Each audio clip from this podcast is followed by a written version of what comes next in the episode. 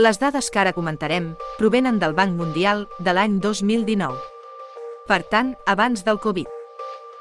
Els he trobat graficats per Latinometrics, un portal que es dedica a publicar i divulgar interessants dades sobre la regió. Parlarem del nombre de persones que van arribar a cadascun dels països de Llatinoamèrica i el Carib, ja sigui per aire, mar o terra, per feina o per turisme. Els anomenarem visitants.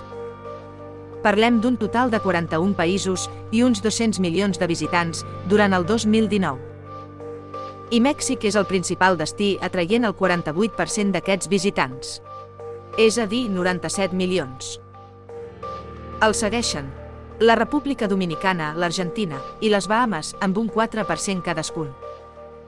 Uns 7 milions de visitants a cadascun d'aquests països. Després, al voltant del 3%, hi són Brasil, Xile i Perú, amb uns 5 milions de visitants per país. I amb un 2% dels visitants, uns 4 milions, hi són Puerto Rico, Colòmbia, Paraguai, Cuba i Jamaica.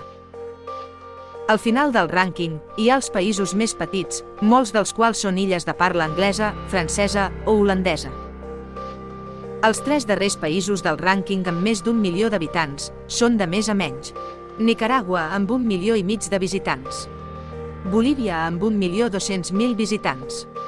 I Venezuela amb 800.000 visitants. Tingues en compte que molts d'aquests visitants poden ser del país veí o de la mateixa regió. Serà interessant en un episodi futur analitzar l'origen d'aquests visitants. Com de costum, a la descripció de l'episodi et deixo l'enllaç a la font i un gràfic amb aquestes i més dades. Datòfils. Busquem, analitzem i compartim dades. Escolta'ns a YouTube, Telegram o a la teva app de podcast.